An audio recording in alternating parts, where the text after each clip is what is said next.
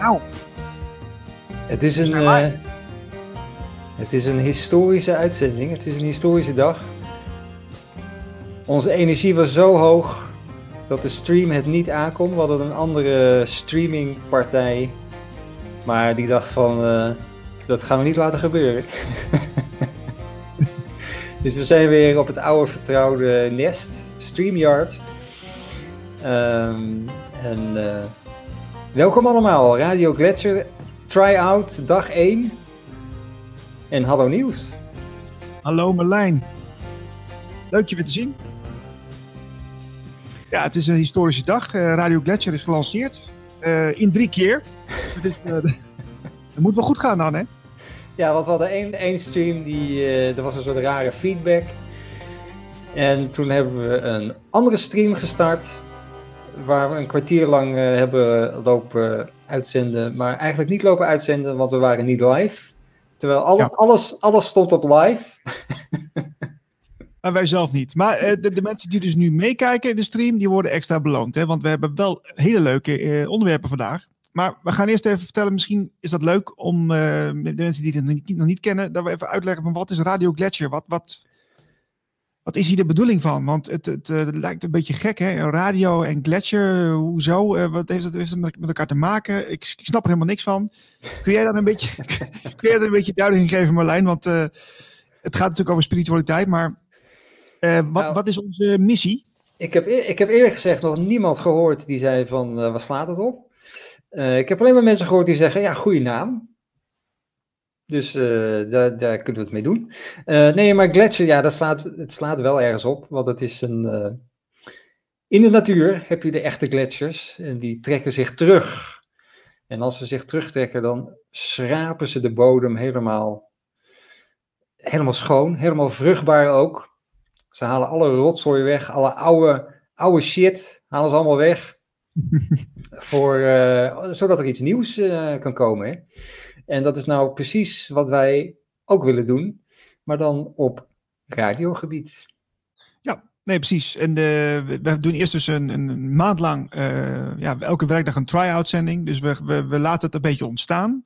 Uh, dat is ook waarom ik zelf zoiets heb. Ik vind, ik vind het wel leuk om dat, om dat een beetje te, ja, um, te doen. Het, de, het, experiment eigenlijk te, te laten gebeuren. En uh, met, met gasten, soms ook soms uh, leuke gasten, soms hele bijzondere gasten, soms hele gekke gasten. Uh, iedereen is in principe welkom. Het moet wel een beetje over de. Het moet wel een beetje raakvlak hebben met de onderwerpen waar we mee bezig zijn. Maar spiritualiteit is natuurlijk iets, ja, iets, iets, iets, iets heel breeds. Hè? Het, is, het is eigenlijk het mens zijn ontdekken. ten diepste, denk ik. En mensen die erachter willen komen van wat, wat ze in werkelijkheid zijn. Ja, die zullen dan op een bepaald pad komen. En die, die zijn dan met ja, de, de, de, spiritualiteit of aanverwante onderwerpen in aanraking komen. En daar willen we graag het gesprek over aangaan, omdat het namelijk zo weinig gebeurt.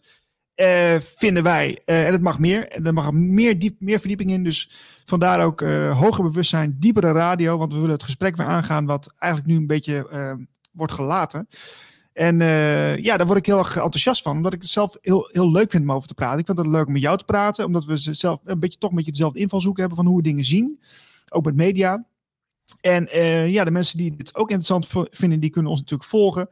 Maar als je zelf denkt van, nou, ik ben zelf ook een programmamaker, ik, ben, ik heb zelf ook hier affiniteit mee, uh, ja, meld je dan aan. Want we zoeken nog uh, natuurlijk programmamakers, omdat we eerst een maandje gaan try-outen. En dan na augustus gaan we kijken of we een echte serieuze programmering voor kunnen maken. Dus ja, er, dus, er staat veel te gebeuren. We hebben veel, veel werk aan de winkel, maar het is ook hartstikke leuk. Ja, Niels is, uh, Niels is op stoom, merk ik wel. Ja, ja uh, ik, ben ook, ik ben ook meteen weer kwijt wat ik wou zeggen. Maar, um, oh ja, ik wou zeggen, want uh, iedereen denkt nou van, we zitten, hè, jullie zitten op YouTube en waarom heet jullie radio? nou, het is de bedoeling dat we een digitale radiozender worden, uiteindelijk. En we beginnen op YouTube en ja, ja we hadden het ook YouTube-kanaal Gletscher kunnen noemen. Uh, maar dan had er geen, uh, geen haan aan gekraaid natuurlijk. Uh, radio heeft wel een soort, ja, een soort mystiek, een soort, soort magische, magisch imago of zo.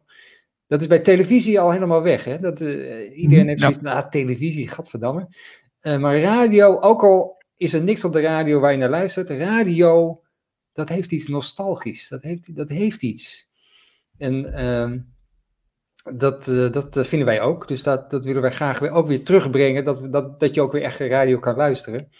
Ja. Uh, naar interessante dingen. Interessante programma's. En Niels zegt wel, spiritualiteit is, uh, ja, dat gaat over het mens zijn. Is het niet zo dat ehm, we, we, we, zijn een spiritueel wezen, hè? dus we zijn een, een spirituele energie in een mensenlichaam. En we, het is niet zo dat we een mens zijn met dan spirituele ervaringen af en toe, maar we, we zijn in principe ja, een soort uh, energetische, ja, energetische bubbel zou je kunnen zeggen. Mm -hmm. Uh, maar het, is, het blijft inderdaad een beetje een uh, containerbegrip. Wat versta je daaronder? En uh, je, je kan het over channeling hebben, maar ook over UFO's en noem maar op. Nou, daar gaan we het inderdaad allemaal over hebben. ja, niks is ons te gek. We, we, we staan in principe, we, hebben een open mind. dat hebben we ook in ons persbericht gezet. hebben we ook naar heel veel kanalen gestuurd om, om mensen te vertellen van nou, we zijn niet meer bezig. En haak vooral aan, want ik zie ook in de nieuwe media die ontstaat, er zitten vaak mensen met een open mind. Die, kijken, die durven te kijken buiten de gebaande paden. En uh, dat, dan zie je ook vaak dat het, dat het verhaal of het, of het, ja, het gesprek wordt, krijgt een hele interessante wending. Dus vaak de, de wending die je niet krijgt op de, de reguliere media. En ik wil het niet gelijk helemaal uh, belachelijk maken of af, af, afvallen. Want er is niks mis met de reguliere media. Alleen ze hebben wel een, een heel duidelijk kader waaraan ze zichzelf houden. En kijken daar niet vaak buiten. En dat, dat gaan wij dus wel doen. En uh, ja, dat levert volgens mij altijd een hele interessante kijk op de wereld op. En ja, die, als je die zelf steeds meer gaat onderzoeken en ook steeds zelf meer integreert in jezelf, dan, ja, dan verandert je wereldbeeld ook. En er zijn heel veel mensen die, die dat op dit moment doen en die dat ook al gedaan hebben de afgelopen jaren. En die heel erg toe zijn aan ja, mensen die daar hetzelfde in staan. Uh, zielsverwanten, uh, ja, gelijkgestemden geeft de naam. En die mogen elkaar wel eens wat vaker horen en elkaar wat vaker zien. En nou, dan krijg je zo'n idee voor een kanaal. En dat zijn we aan het doen. Um, ja, we, we, hebben straks misschien nog een gast, hè? Want het is misschien wel leuk om even een bruggetje te maken. hey, een bruggetje, dat is zo'n mediaterm. Uh, ja, dat, hebben... dat, doen ze in de oude media veel, hè, bruggetjes. Ja, ja, ja. ja, ja, bruggetjes heb ik ook vaak gedaan, hoor, als, als presentator. Maar um, we, hebben, we hebben natuurlijk we hebben een beetje nieuws uitgezocht wat een beetje spirituele raakvlak heeft. Um, en daar gaan we zo meteen een gesprek over aan. Marlijn heeft een aantal dingen meegenomen. Ik heb een aantal dingen meegenomen. En we hebben dus, uh, ja, wat, wat misschien wat mensen wat tegenvallen de komende maanden. We hebben geen muziek. Nee, dat kan even niet, want uh, dat is rechten technisch niet zo handig. En dan gaan we dus, uh, als we straks audio gaan doen, gaan we weer met muziek bezig. Maar nu even niet. Nou, dat is wel een mooi bruggetje.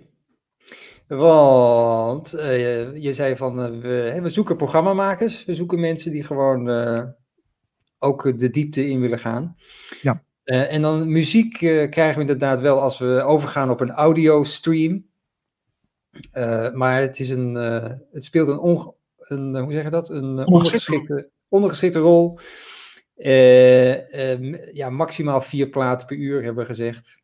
Dat het echt misschien elk kwartier plaatje. Maar het gaat om het praatje. En de discussie. En het, het kan ook een monoloog zijn. En misschien een soort, hè, een soort podcast, radio-achtige fusie. Maar mm -hmm. er komt muziek, maar niet zoveel. Nee, precies, precies. Uh, Dan zijn er nog andere vragen, want ik moet even een heel saai lijstje nog even doornemen. Oh jee. uh, qua administratie, want we krijgen natuurlijk vragen. Uh, dus dan kunnen we die net zo goed even behandelen. sponsoren en de mogelijkheid om te doneren kan ook nog niet. Dat kan natuurlijk binnenkort wel. Daar gaan we ook iets voor opzetten, dat je donaties kunt schenken, of hoe noem je dat? Ja. Uh, dus dat komt nog. Uh, adverteren kan ook. Alleen, we hebben een heel streng deurbeleid wat dat betreft. We gaan geen reclamespotjes uitzenden. Dat is ook uit de tijd. En we gaan ook geen reclame maken voor wasmachines, zou ik maar zeggen. En, uh... Nee, niet, waarom niet dan? Wasmachines? Ik wel leuk, wasmachine. Nou, wij zijn, wij zijn toch meer van de, van de nieuwe initiatieven. Hè? Dus, je, dus ik weet ook nog, jij had een, uh, had, ik weet niet wie, dat was, maar jij, je had iemand in jouw Nieuwe Tijd podcast. Ja. En die had het over van die, uh, weet je ook weer, van die stenen. Die kan je dan laden met energie. En er zit, er oh zit ja, uh. Orga, ja, Organite, ja. Ik heb hier trouwens al eentje. Oh. Nou, dat, dat zijn dingen... Oh, kijk eens. En dat schijnt te werken tegen straling. Ik heb er zelf ook een paar. Dus dat Ja. is, uh, die, die kun je ook uh, kopen. Ik heb ook uh, daar een, een livestream mee gedaan met die meneer. Oh, en staat oké. allemaal, allemaal te vinden op de website. En ook nog in piramidevorm. Dus alle, Ja. alle complotdenkers die worden nu wild. Oh, hé, hey, weer een piramide. Oh. Maar nou ja, dat, dat soort dingen. Dus de, nieuwe initiatieven qua producten en services. En fe- ja, als je een festival organiseert of een, weet ik veel, een retreat. Schrijf even een tekst en dan kun je daarmee. Dan gaan wij dat voorlezen. En dat is dan de advertentie die je krijgt. Um, en dan hebben we ook nog investeerders. Nou, dat is helemaal een soort rabbit hole. Dus als je wil investeren, dan staan wij daar ook niet negatief tegenover. Maar dat heeft natuurlijk weer allerlei andere haken en ogen. En dit was mijn saaie lijstje. Als mensen hier nou uh, ja, geïnteresseerd in zijn, Marlijn, hoe kunnen ze ons nou bereiken? Dat is heel makkelijk. www.radiogletcher.nl info at Twitter is at uh, YouTube moet je even zoeken en Facebook moet je geloof ik ook even zoeken op de naam, maar daar zijn we ook allemaal uh, hetzelfde. Te vinden, ja. Dus, okay. uh, dus dat. Leuk, ja. Um, ja, en we hebben een gast inderdaad. Ja. Die zit op dit moment op het IJsselmeer. oh. dus die zei al van, nou, ik weet niet of het allemaal goed gaat. Maar um, dat gaat over kastelen in Nederland. En uh, die heeft uh, iets heel interessants ontdekt. dus die hebben we denk ik zo over een half uurtje ongeveer. Oké, okay, maar wat, wat, wat, he wat, heeft nou een kasteel te maken met, met spiritualiteit? Um, ja. Kijk, ik, de ik, denk dat daar wel raakvlakken in zitten in de zin, want ik weet wel waar, waar jij naartoe wil. Maar in de zin dat uh, je, hebt natuurlijk, je hebt het natuurlijk met opgravingen, archeologie, kastelen, uh, oude, oude culturen en zo. Dat heeft wel een raakvlak met spiritueel zijn. Want die waren hmm. veel spiritueler dan wij. En wij zijn het nu allemaal een beetje aan het herontdekken en zo. Maar er werd natuurlijk heel veel aan gedaan. En er zijn allemaal van die energieplekken en de, de, de, de hoe heet het, de lee, of de lei, de lee, ja. leelijnen. Al dat soort dingen, dat heeft allemaal met uh, nou ja, de geschiedenis uh, te maken. En, uh, dus dat is, dat is altijd interessant. Dus ja. En wij, wij, kiezen ook het nieuws uit dat wij interessant vinden. Hè? Dus het is ook een beetje zo. Ja, ja, het is ook wel een beetje het nieuws wat vaak uh, ja, uh, niet altijd wordt behandeld, onderbelicht uh, is. En ja, en we stemmen het ook een beetje af op de gast, want we hebben de, de komende dagen ook wel wat gasten. En ja, die ook vaak uitgesproken zijn. En dat vinden we leuk. We vinden het leuk om het gesprek aan te gaan met mensen die toch een beetje een andere kijk op de dingen hebben. Dat kan, kan het ook gaan over politiek. Uh, het kan ook gaan over media. Het, het, het, het, kan eigenlijk overal over gaan. Maar, misschien ook wel over. Of, ja, UFO's heeft het ook nog over binnenkort, hè, met iemand. Uh, daar komt uh, iemand voor langs. Die komt ook, heb ik vernomen, in een UFO komt hij naar de studio. Oh, wat leuk. Ja.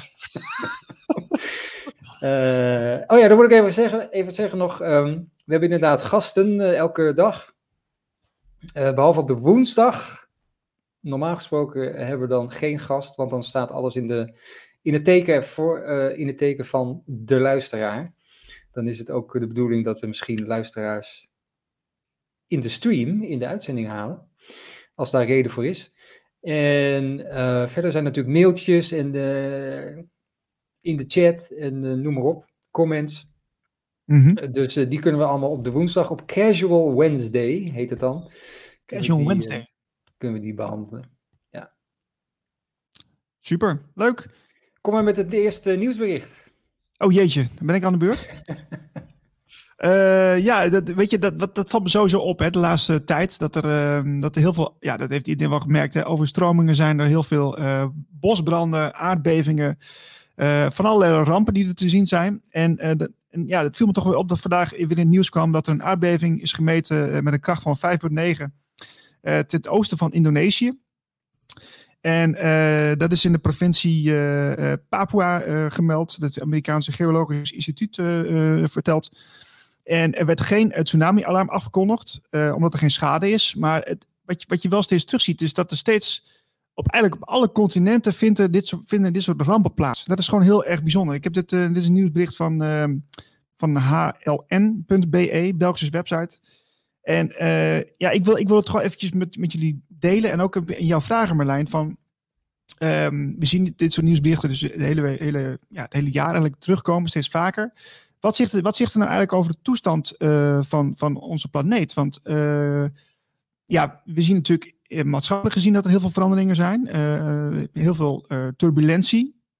Wat, wat, wat, maar heeft het dan ook gelijk direct een link met, met onze planeet? En, en, en hoe zie jij dat? Um, ja, je komt, je komt toch heel makkelijk. Uh, als, je, als je denkt van uh, hier klopt iets niet, dan kom je heel makkelijk in die, in die hoek terecht. Hè? Mm -hmm. uh, dus je kan zeggen, nou, het is allemaal eh, min of meer toeval en natuurlijk. En ja, je hebt van die jaren dat dit, dat dit erbij hoort. je kan ook denken van, ja, maar wacht eens even. Er zijn heel veel ik weet niet of dat instituten zijn of wat het, wat het zijn. Maar er zijn heel veel mensen mee bezig met het weer manipuleren. En je, ziet, hmm. je ziet dat in, uh, wat was het, Qatar? Of waar was het? Waar, waarin ze dachten van, uh, het is wel handig als we hier wat meer regen krijgen. Dus die hebben daar regen veroorzaakt. En toen stond alles blank. ja, ja. Toen was alles overstroomd. Want ja, daar is helemaal niet op gerekend met, met de bouw. Um, en dat is natuurlijk niet alleen in Qatar. Die, die, informatie of die kennis, die is er gewoon, die technologie. Um, en dit, ja, dat moet natuurlijk getest worden. Mensen zijn daarmee bezig. Waar doen ze dat? Dat krijgen we allemaal niet mee. Wordt allemaal niet bekendgemaakt van... Hey jongens, we gaan nu even... ja, die plek daar in, ja, bij Limburg, in Nederland in de buurt. Daar gaan we even een test doen. Met, met hmm. hoe, we, hoe we het weer kunnen manipuleren. Dat wordt nooit gezegd. Nee. nee. Uh, als, dat zo, als dat zo is, natuurlijk. Uh, maar er zijn allerlei experimenten gaande. Uh, want de mens is wat dat betreft gek genoeg om zich met het weer te bemoeien.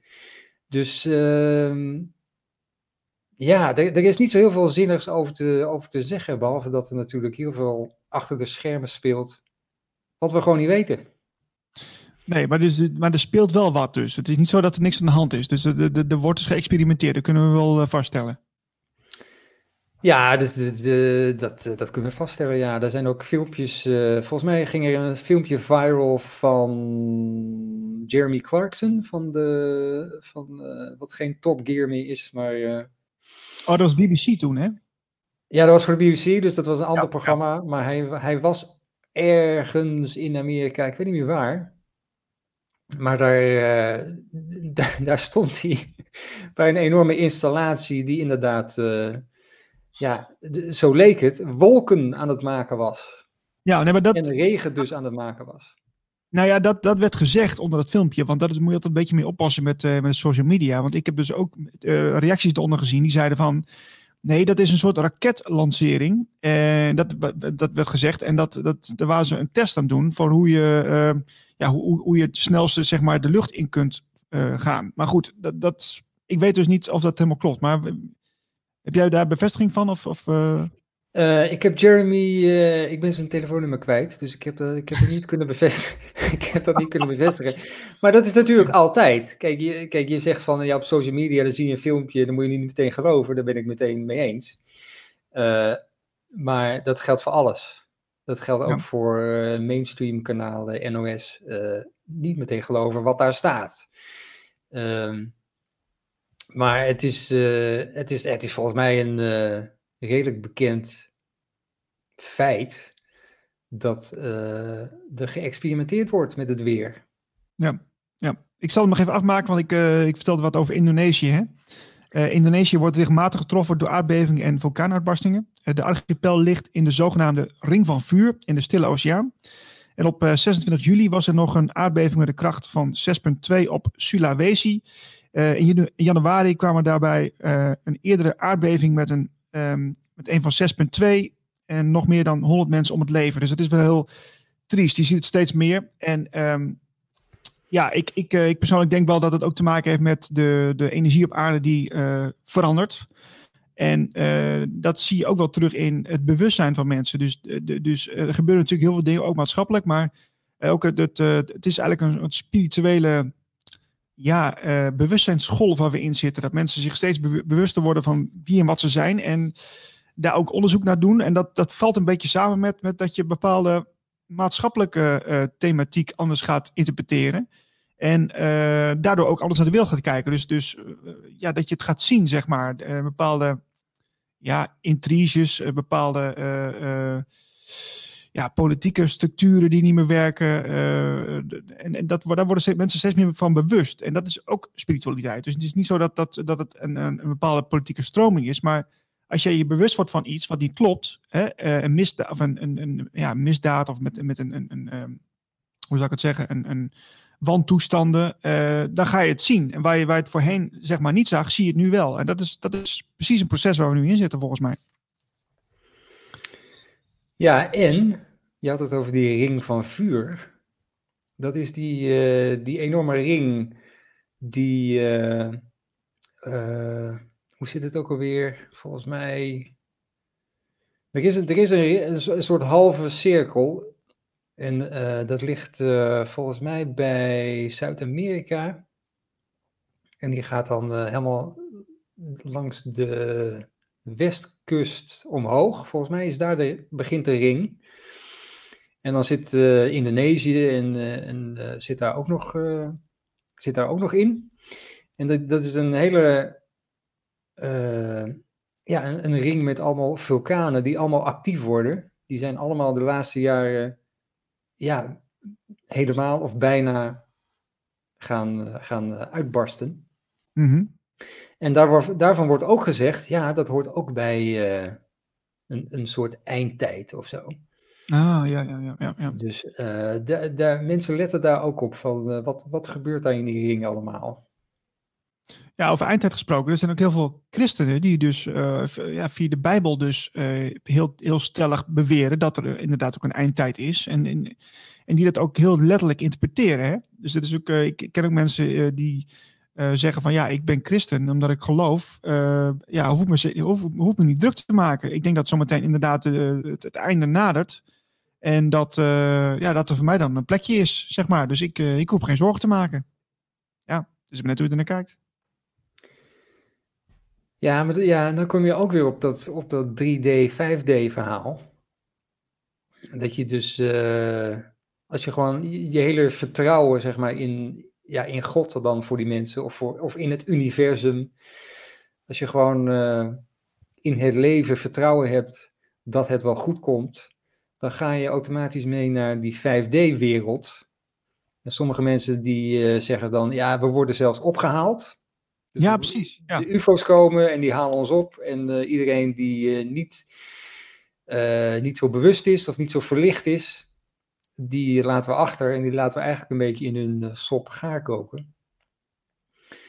Um, maar ja, qua eindtijd, ja, je, je blijft altijd bestaan. Dus je gaat, ja, dus uh, ik, ik weet niet hoe de, hoe de christenen dat zien. Misschien is er een christen in de chat die dat kan uitleggen. Maar. Nou, uh, zou leuk zijn. Misschien ja. wat meer, uh, meer duiding kan geven aan de situatie. Maar kijk, mensen nemen het vaak heel letterlijk. Hè, van de, de oude aarde achterlaten. En dan gaan die mensen die dan meer verlicht zijn, die gaan dan nieuwe aarde toe. Um, maar je zou het ook anders kunnen zien. In plaats van dat we echt letterlijk op een schip stappen en verdwijnen.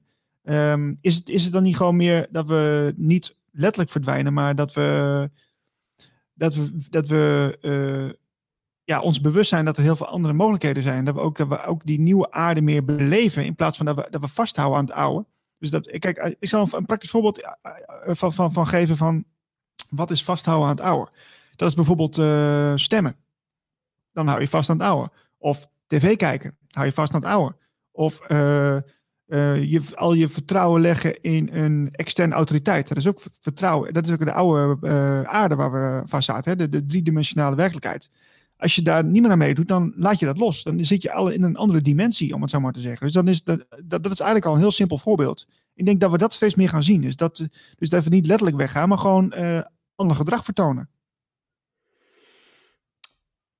Uh, ja, maar dat, dat, als dat gebeurt, dus een hele groep die zich, die zich uh, daarvan van afkeert, van dat oude. Mhm. Ja. Um, daarvan zeggen ze dus ook, ja, die groep komt dus niet meer in aanraking ook meer met mensen die aan dat oude vastzitten. Dus die zien elkaar helemaal niet meer. Die, die, die leven langs elkaar heen. En dan ben je nog wel op dezelfde planeet aanwezig. Maar je hebt eigenlijk geen idee meer dat je allebei er nog bent. nou ja, dat is wel grappig. Want ik, ik zie dus de laatste tijd, zie ik uh, in mijn vrienden, kennissenkring, zie ik mensen die, die opeens helemaal niks meer van zich laten horen. En dat is niet omdat we ruzie gehad hebben, maar gewoon omdat we, dat, dat, dat het energetisch op een bepaalde manier niet meer met elkaar uh, matcht. Dus, nee. um, en dat, dat, alsof, we, alsof we van een afhandje aanvoelen van, nee, dit werkt niet meer en we, we laten elkaar gewoon maar. Weet je wel? En uh, dan zie je elkaar ook, dan zie je elkaar dus ook niet meer. Dus, dit, dus je kunt elkaar dan misschien nog een keer in de supermarkt tegenkomen. Maar uh, niet, meer op, niet, meer op, niet meer op afspraken, niet meer omdat je elkaar nog wat te vertellen hebt. Want dat is dus blijkbaar wat weggevallen is. En ja, dat, en dat hoor je steeds meer, die verhalen. Ja, nou het moeilijk is natuurlijk als je ja, als dat binnen je gezin gebeurt. Want dan, ja, dan, dan zit je zo aan elkaar vast. Dat, dat het heel moeilijk is om daar dan uh, los van te komen. Ja. Ja, ja precies. Dat, is, dat zijn ook hele pijnlijke uh, ja, gebeurtenissen natuurlijk. Hè? En het wordt ook van ja, sommige mensen die uh, bezig zijn met buitenaardse en die dat ook channelen, die zeggen ook van ja ja, wij we hebben, we zijn geïncarneerd en we, we, we, we begrijpen vanuit, vanuit deze perceptie dat wij een menselijke familie hebben. Maar uh, ja, buiten deze matrix uh, bestaat ook nog een hele andere familie. En ja, daar, daar, daar ben je eigenlijk meer aan verwant. En dit is eigenlijk alleen maar een ideetje van wat we ervan gemaakt hebben. het verhaaltje wat je verteld is. Maar is het ook echt zo? En natuurlijk kom je, heb je natuurlijk een geboorte gehad en heb je een vader en een moeder. Zo, zo, is het, zo is het ook. Eh, zo, zo werken families ook. Zo is het, ook, het concept ook gestart. Um, dus dat is niet, niet, niet waar. Maar um, ja, de, de, de, ik sluit niet uit dat er ook een diepere oorsprong is van waar je vandaan komt. Dus, ik wil nog wel iets grappigs vertellen, daarover gesproken. Oh? Misschien dat je zo grappig was. dat was te vroeg. Te vroeg, nieuws. Oh, te vroeg. Ja, uh, maar als je zegt van ja, dat, zo, zo, zo doen we dat inderdaad met vader en moeder en gezinnetje en zo. Zo is dat nou eenmaal zo. Ja, je kan er ook anders naar kijken natuurlijk. Dus je hebt culturen die hebben zoiets van als er bij een vrouw een kind geboren wordt, dat kind heeft, heeft allerlei eigenschappen van alle mannen, zeg maar, in die, in die stam of die groep. Hmm. Uh, en die vrouw wil dat ook. Dus die gaat met al die mannen naar bed. Om al die verschillende talenten van, ja, van die mannen op te halen, zeg maar. Om, om aan dat kind te geven. en wij hebben natuurlijk het idee van dat kan helemaal niet. Want er is maar één zaadje en het komt bij één iemand vandaan. En dat is een soort combinatie van dan de man en de vrouw. En dat is het dan. Ja. Wat ik vaak hoor over mezelf, van hele, hele oude kennissen die mij zeg maar geboren hebben zien worden en zo. Die, die zeggen dat ik inderdaad op mijn vader lijk. Maar ik lijk ook op de, uh, de vriend van mijn moeder, die zij voor mijn vader had. Serieus, ja? Ja. Wauw. Dus dat kan natuurlijk helemaal niet in onze. Nee. Hoe wij erover denken, dat kan helemaal niet. Dat, ja, dat, dat, dat, moet toeval zijn of zo. Maar ja, ik zit de laatste tijd toch te denken, ja, dat, dat is toch een beetje... eh, dat is toch, dat heeft misschien toch ook iets met, misschien niet met zaadjes en zo, maar met energie te maken. Dat mijn moeder gewoon ook die eh, energie van die ander bij zich heeft gehouden. Eh, en dat het ook, ook ja, doorgegeven is naar, in, in Hmm. mijn energieveld bijvoorbeeld. Ja, Dus ja. Ah, interessant. Ik weet niet of het heel grappig was, maar ik. ik, eh, ik, ik, sta- daar ik laatst sta- aan denken. Nee, ja, inderdaad, ja, dat is wel. eh, ja, dat, jongen, dat zou, zou maar zo eens kunnen. Maar heb jij, kun je, kun je ook vertellen, of is dat, wordt dat misschien te persoonlijk van wat het dan, wat voor dingen dat dan zijn waar je dan op lijkt? Of, eh, Ehm, nee, ja, ik heb dat, nee, ik heb dat persoonlijk niet zo. Maar toen mijn, toen mijn oma nog leefde, die, eh, want toen, toen was er weer zo'n eh, zo'n familiereunie of zo. En eh, ze had mij een tijdje niet gezien. En toen, toen was ik daar en toen, toen heeft ze tegen mijn moeder gezegd, hey, hij lijkt wel heel erg op, op die en die. En ik, ik, ik weet verder de details niet, maar ja, dat, dat, dat, dat, ja. En er zijn meer mensen die dat zeggen, dus eh, nou ja, ja, maar goed, eh, dat, dat, is geen waarheid, hè? dat is geen waarheid.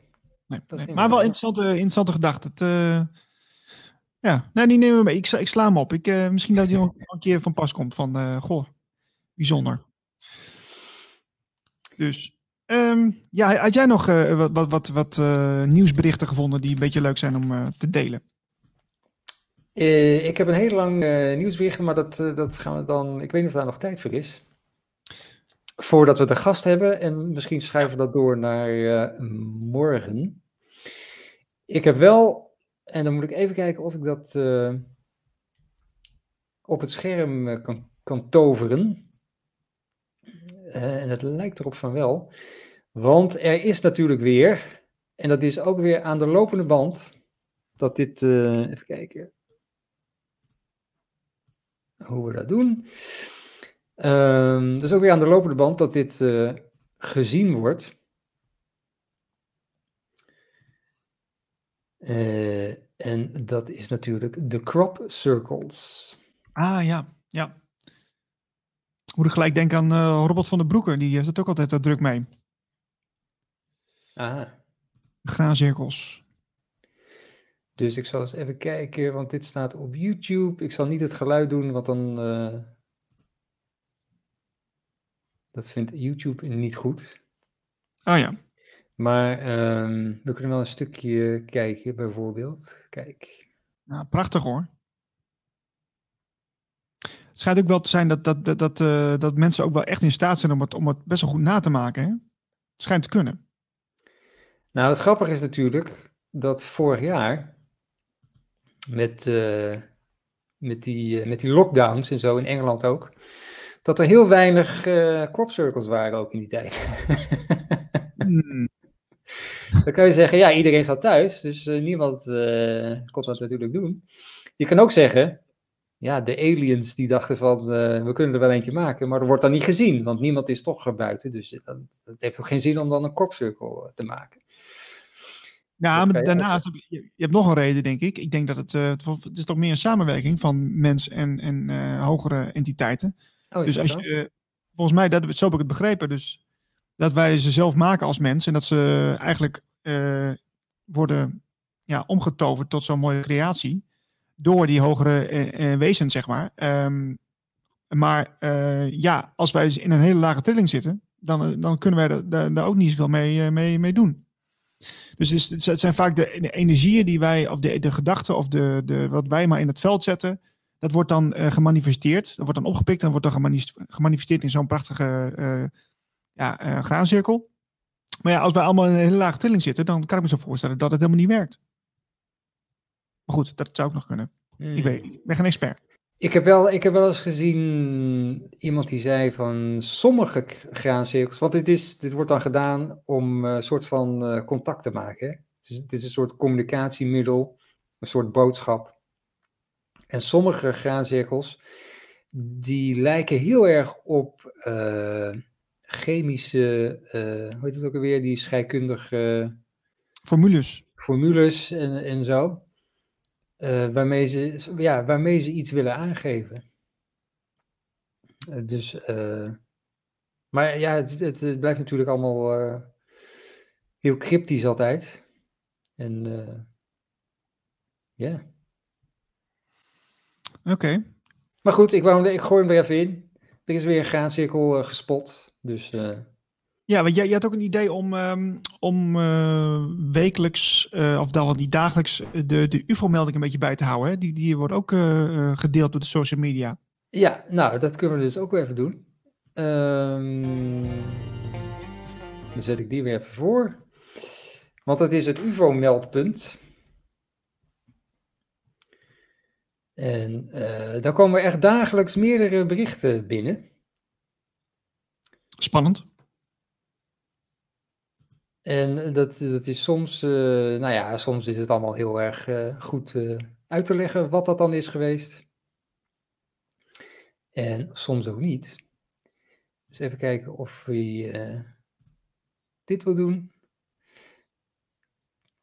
Door ene Dennis, dit was gisteren, 1 augustus, Lichtbol. Lichtbol die ineens omhoog schoot. En dan zal ik hem even iets hoger zetten. Zodat ik hem zelf ook nog kan lezen. Dit is dan uh, in uh, Capelle aan de IJssel uh, gebeurd, blijkbaar. Ik zag ineens een lichtbol hoog in de lucht. Wat leek op een vliegtuig en leek op ons af te komen. De bol werd steeds feller en groter en veranderde ineens van koers richting de dampkring. En ineens werd die bol steeds minder fel, alsof die dampkring uitging. En hij werd steeds minder fel, het flikkerde steeds minder fel, en je zag hem steeds verder de ruimte ingaan. Ah, oké. Uh, dus uh, als er mensen zijn die dit ook hebben gezien, in de Capelle aan de IJssel wonen, bijvoorbeeld. Uh, ja, Laat het even onder in de chat of de comments. En uh, ja. goed, ik dacht van dat is leuk, een leuk itempje om dit mee te nemen. Je hebt natuurlijk in de mainstream media heb je ook itempjes. Heb je dagelijks ook, uh, we, we, we checken even in. Wat is er, wat is er aan de hand hier? Um, en dat gaat allemaal over dingen die niet zo interessant zijn. Dit zijn leuke dingen nou juist. Dus uh, laat, dit nou het gesprek zijn bij de koffieautomaat vanmiddag. En niet de, de, nieuwe bril van Gerard Joling. Daar schiet er niks meer op. Trouwens, over. Uh, ja, we hebben nog een gast, hè, zometeen. Gaan we die nog bellen? Of, Ja, ik zal nu even de gast. wat de gast had op het IJsselmeer. ja. Te varen. En die zat ik nu even. Dus praat jij gerust even de tijd vol, Niels? Of ja, zet even, graag gedaan. Zet, zet even een muziekje op. Nou ja, goed, wat wel, uh, kijk, het gaat over kastelen. Wat wel grappig was, is dat ik dat ook eigenlijk uh, wilde aanstippen. Want er waren ook nog andere berichten in het nieuws over kastelen. En uh, gek genoeg heb ik dat even gelaten. Ik dacht van, nou, dat doe ik even niet. En toen kwam Marlijn met een bericht over kastelen. Dat was een heel ander bericht. en heeft ook zelfs een gast bij uitgenodigd. Dus daar gaan we zo meteen eventjes mee, mee schakelen. Um, ik hoop dat het ook lukt, want schijnt dus dat die persoon, of die, was het een mevrouw of een meneer? Het is een mevrouw. Ja, die zit dus op het IJsselmeer, dus uh, de verbindingen moeten we even afwachten. Um, ja, nee, voor de rest, uh, wanneer jij dus naar dit uh, programma kijkt, denk je misschien, ja, dat is een YouTube-kanaal, wat raar. Ja, we, gaan, we zijn een aantocht naar een radiozender, Radio Gletscher. En we zijn dus bezig om, ja, om, om, om, een format te bedenken voor dit programma. Maar we willen ook straks programmamakers uitnodigen. Mensen die iets met radio hebben, mensen die radioervaring hebben. Of die graag een verhaal kunnen vertellen over spiritualiteit of aanverwante onderwerpen. Um, meld je dan aan via info.radiogletscher.nl. En volg ons op YouTube, Facebook en Twitter. op de website natuurlijk radiogletscher.nl voor de laatste stand van zaken. En uh, ja, uh, stuur even een demootje. Dan kunnen we een beetje horen wat voor stem je hebt. Want we gaan straks over van video naar audio. En dan kun jij uh, wellicht deel uitmaken van onze programmering. Dus eh, wie weet. Zijn we zover, Berlijn? Of ga ik te snel? Nou, het is even wachten hè, tot de gast het allemaal heeft gevonden en in de stream zit. Dus ik, ik kan wel even een klein introductie doen. Het gaat namelijk over kasteel ontdekt in. Ik krijg hier allemaal pop-ups, dat is niet de bedoeling. Kasteel ontdekt in grond Oud Herlem, met AE, Herlem, in Heemskerk. Uh, op kasteelterrein Oud Herlem in Heemskerk is een nieuw kasteel ontdekt. Archeoloog Nancy de Jong kan haar geluk niet op na de unieke vondst en doet er onderzoek. Um, dus daar gaat het over. En dat, dat uh, hebben ze met, uh, met, met radar en weet ik veel allemaal, hebben ze dus gevonden dat daar ja, een heleboel dingen onder de grond zitten. En vooral de vorm van het kasteel. Oh, de gast is er. De gast is er. Ah, wat leuk. De gast is er. Ehm, ik, zal, ik zal er meteen erbij halen. Even kijken. Nancy de Jong. Hi. Hallo. Hi. Vanuit uh, het IJsselmeer. Ja, klopt. dus ik hoop dat de, uh, de verbinding goed blijft. Uh, ja, we kwamen jou tegen in een artikel over een nieuw kasteel in Heemstede. Heemskerk. Oh, Heemskerk, sorry. Ehm, en we dachten, dat is wel leuk als jij daar iets over kan zeggen, want jij bent daar actief mee bezig. Nee, dat klopt. Wij hebben daar uh, in opdracht van de gemeente Heemskerk hebben we een, een geofysisch onderzoek uitgevoerd over 90.000 vierkante meter. En een geofysisch onderzoek wil eigenlijk zeggen, is een, ehm, een methode waarmee je in de bodem kunt kijken zonder te graven. Dus eigenlijk een beetje net als dat je in het ziekenhuis een röntgenfoto laat maken of een echo. En op die manier hebben we het hele terrein in kaart kunnen brengen zonder de resten te beschadigen. En waar, waarom doen jullie, doen jullie, dat niet uh, voor heel Nederland bijvoorbeeld?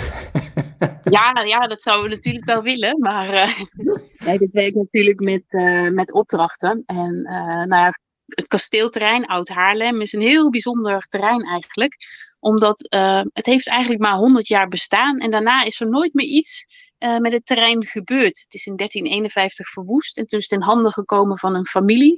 En dat is het eigenlijk tot op de dag van vandaag nog steeds.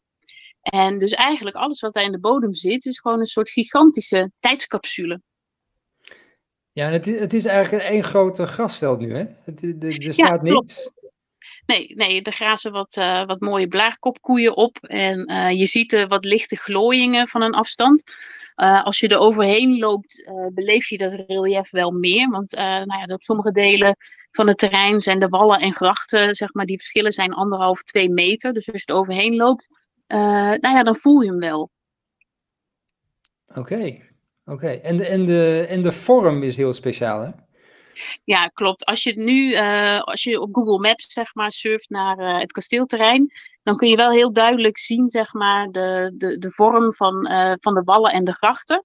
En dat is iets van 180 bij 180. En daarbinnen zeg maar lag het eigenlijke kasteel. En in de vorige eeuw, in de jaren 60, waren ze ook al wel geïntrigeerd door dat relief. En toen hebben ze een heel klein stukje binnen die omwalling hebben ze opgegraven. En uh, daar vonden ze een, een plattegrond. En ze hebben verder binnen dat terrein nog een paar gaatjes gemaakt. En daar zagen ze niet direct iets. Dus toen dachten ze van nou, dat was het. Uh, maar dat was het dus niet. nee, maar precies. Interessant zeg. En, uh, want jullie zijn nu bezig om dat allemaal in kaart te brengen. wat hebben jullie inmiddels gevonden? Kun je er iets over zeggen? Ja, nou, um, we hebben dus zeg maar um, ook de structuur kunnen identificeren die ze in de jaren 60 hebben opgegraven. Uh, en eigenlijk in de eerste twee meedagen vonden we eigenlijk daarnaast een vierkant kasteel van 45 bij 45. Dus toen nou ja, waren we echt al, al heel erg blij. Uh, en daar begon het eigenlijk mee. Nou, verder vonden we uh, ook, we hebben het met twee technieken gedaan. Verder vonden we daar ook nog de hele binnenindeling van het nieuwe kasteel. Dus je kunt echt de, de, nou ja, de kamers, de zalen kun je zien zitten. Wow. Dus dat is redelijk spectaculair. En um, maar het hield niet op eigenlijk, want het terrein 180 bij 180 is natuurlijk heel groot. En er bleek dus uh, dat je een, een hoofdkasteel had, dus dat is dat vierkante. Een voorburg, dus dat is eigenlijk een soort uh, eerste halte tot het hoofdkasteel. En daar helemaal omheen had je nog een voorhof. En dat viel allemaal binnen die omwalling. Um, en daar zaten allerlei, uh, hebben we ook resten kunnen zien van gebouwen die daar gestaan hebben. Dus je moet dan denken aan allerlei ondersteunende bebouwing, uh, zoals stallen en misschien zeg maar waar, waar personeel woonde. Maar die hield het niet mee op. Want het mooie van, uh, van het onderzoek en, en ook zeg maar het promotieonderzoek uh, waar we mee bezig zijn, is dat we ook zeg maar buiten die kasteelterreinen aan het kijken zijn. En dan zien we ineens veel meer. En ook hier vonden we een enorme schuur van 40 bij 20. Uh, en dat is waarschijnlijk een zogenaamde tienschuur. Hè. Dus vroeger inden ze de belasting in de vorm van tienden. En dat was vaak in natura, dus in graan. En, en dat werd daar opgeslagen. Dus die hadden we te pakken. En aan de andere kant, aan het begin van de omwalling, hebben we ook kunnen vaststellen dat, uh, dat er meer wallen en grachten waren. En dat er waarschijnlijk een hele toegangsconstructie uh, bij stond. Dus we vonden de resten van een, een toren met een diameter van 18 meter. En daarbinnen nog een toren met een diameter van 10 meter. En dat zijn eigenlijk voor Nederland Nederland onbekende vondsten. En puur gewoon omdat er ook nog nooit naar gezocht is. Oké. Okay. En, en uh, de vorm was ook belangrijk, want het is een, heeft een vierkante vorm, een van, die, ja. uh, een van de delen. Ja. Uh, want dat werd helemaal nog niet gedaan in die tijd. Nee, klopt.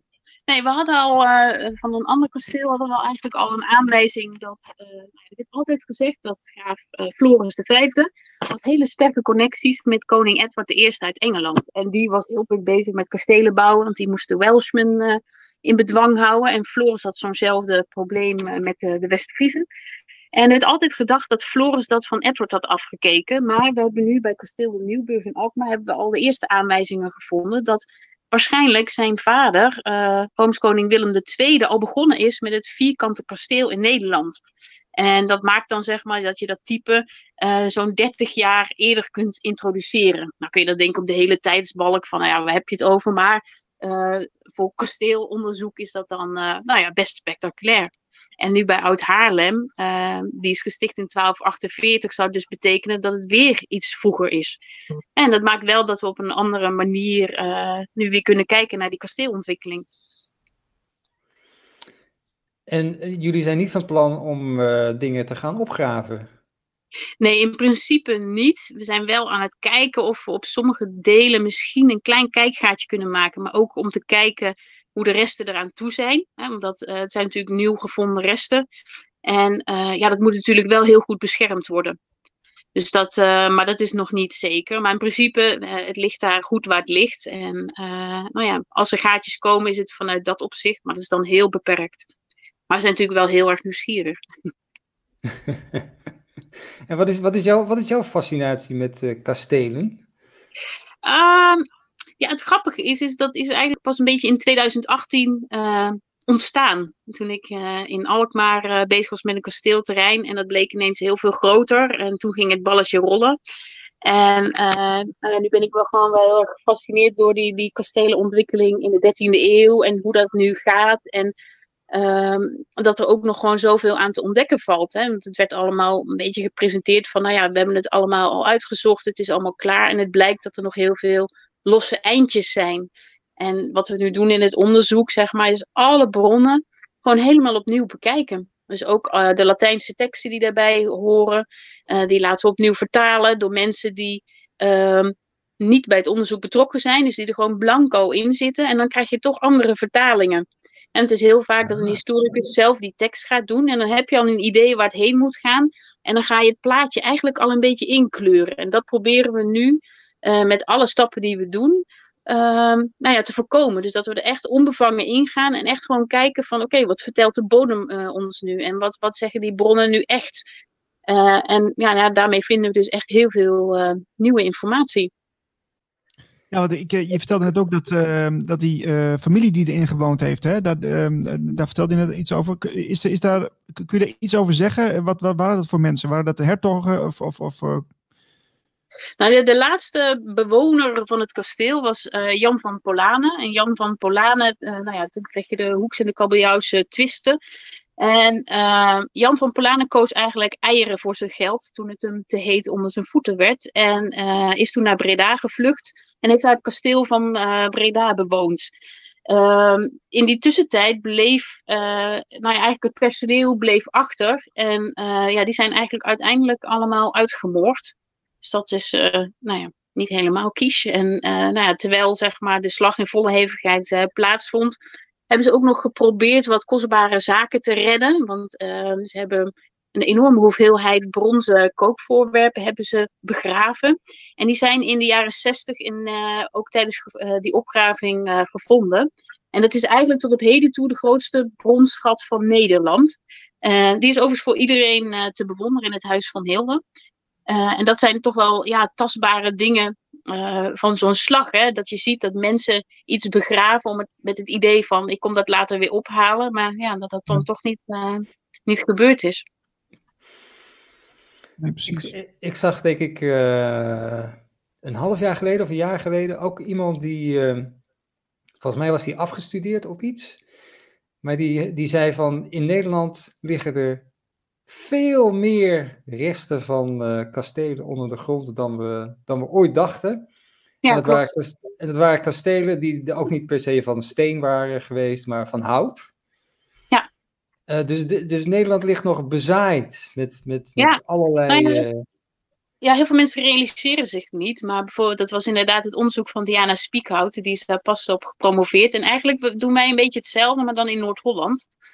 En zij sprak ook al haar vermoedens uit van, nou ja, dat de kastelen zijn veel groter dan wij dachten. Hè? Want als wij denken aan een kasteel, dan denken we aan iets zoals het Muiderslot, hè? een vierkant iets met vier torens. Maar het is natuurlijk onderdeel van een veel groter complex, omdat er ook een voorburcht en verdediging en uh, ondersteunende bebouwing bij was. En er is nooit naar gekeken. Dus er zit nog veel meer in de bodem uh, dan wij konden vermoeden. En er zijn nu een aantal van die terreinen aan het onderzoeken. En ja, dan blijkt ook wel dat er gewoon nog heel veel uh, is. En ook zoveel meer is uh, dan wij dachten. Dus bijvoorbeeld alleen al de provincie Noord-Holland kent meer dan 80 verdwenen kastelen. En sommige, zeg maar, in een, in een woonwijk waarvan je niet eens kunt voorstellen van, uh, dat er een stond. En dat is juist die magie. dat, nou ja, dat er gewoon nog zo'n hele wereld zich onder je voeten bevindt. Zou, zou je daar naar terug willen? Zou je daar naar terug okay. willen? Nou, natuurlijk zou ik stiekem zou ik wel eens willen kijken hoe het dan echt was. Je hebt natuurlijk best een, een, een voorstelling. Uh, ja, hoe zou dat dan zijn geweest? Ja, ik zou er zo terug weer even willen kijken. Ja, het zie. Doe maar even. Ja. Ik wou niks zeggen, nee. Oh nee, ik, ik dacht van, je gaat even verder met het interview. uh, nee, ja, nee, wat, wat, zijn de, wat zijn de plannen? Want uh, niet alleen hiervoor, maar voor, voor jouzelf. En uh, wat, met hoeveel projecten ben je eigenlijk bezig tegelijkertijd? Uh, nou, veel. Nee, ik ben uh, voor mijn reguliere baan ben ik stadsarcheoloog in Alkmaar. En dat is vier dagen in de week. En mijn ene dag vrij in de week, die besteed ik nou ja, aan dit soort onderzoeken en aan mijn promotieonderzoek. En op het moment hebben we, zeg maar, in samenwerking met provincie Noord-Holland, zijn we bezig met vier andere kasteelterreinen. Uh, we zijn bij kasteel Assenburg bezig in Heemskerk. Uh, daar proberen we kijken of we daar resten van een voorganger kunnen vinden. Uh, bij de beroemde ruïne van Brederode zijn we bezig om die te onderzoeken. En kasteel Huisterwijk in Beverwijk, dat is echt midden in een, een woonwijk. Gaan we kijken of we daar de voorburg nog van kunnen vinden. En na de zomer gaan we beginnen bij, um, bij in Bloemendaal, zeg maar, om eh, ja, het huis de Aalbertsbergen. Uh, te kijken of we daar de resten in kaart kunnen brengen. We weten dat ze er moeten zijn, maar uh, de exacte locatie en omvang is eigenlijk nooit vastgesteld. Dus we hopen, hopen, hopen dat we het met deze techniek voor elkaar kunnen krijgen. Maar ik weet bij de andere terreinen dat dat gaat zeker de goede kant op. Oké. Ik ben nog een beetje ik ben nog benieuwd naar hoe die techniek dan werkt. Hoe je, hoe je dat dan kunt, kunt zien, wat er onder de ja. aarde zit. Ja, dus eigenlijk zeg maar met geofysisch onderzoek de, heb je een aantal uh, veelgebruikte technieken. Uh, je hebt uh, wat ze noemen de elektromagnetische inductie. Daarmee loop je met een stok met twee spoelen erin, loop je eigenlijk gewoon over het veld. En die spoelen die zenden een signaal de bodem in. En het apparaat meet dan als het ware de glijdbaarheid van de bodem. Dus een stuk muur heeft een andere glijding dan een gedempte gracht of een stukje waar nooit iets mee gebeurd is. Nou, en de computer die rekent dat uit in een plat vlak en dan zie je dus eigenlijk een soort geleidingskaart uh, van de bodem. Uh, de stap die we daarna doen is uh, magnetometrie. En magnetometrie, uh, dat moet je eigenlijk zien. Het is een karretje met een aantal sondes. En die meet verstoringen in het aardmagnetisch veld. En uh, dus eigenlijk een soort metaaldetector. Nou, en dat aardmagnetisch veld kun je verstoren met een stuk metaal. Maar bijvoorbeeld ook met rode baksteen. Hè? Want rode baksteen is rood omdat daar gewoon ijzerhoudend materiaal in zit. Dus als je voldoende concentraties daarvan hebt, kun je die dus ook meten. Dus bijvoorbeeld bij terrein Oud-Haarlem hebben we dat eerst helemaal met elektromagnetische inductie gedaan. En daarna zijn we er met een laag magnetometrie over gegaan. En dan konden we dus precies zien welke delen van die geleidingsverschillen uh, baksteenhoudend waren en welke niet. En daardoor konden we heel mooi de grachten en de wallen uh, en de fysieke kasteelresten uh, gewaarworden. dan zou je nog een derde techniek kunnen toepassen. En dat is eigenlijk nou ja, een, een, vrij bekende, dus de grondradar. Die hoor je het meest.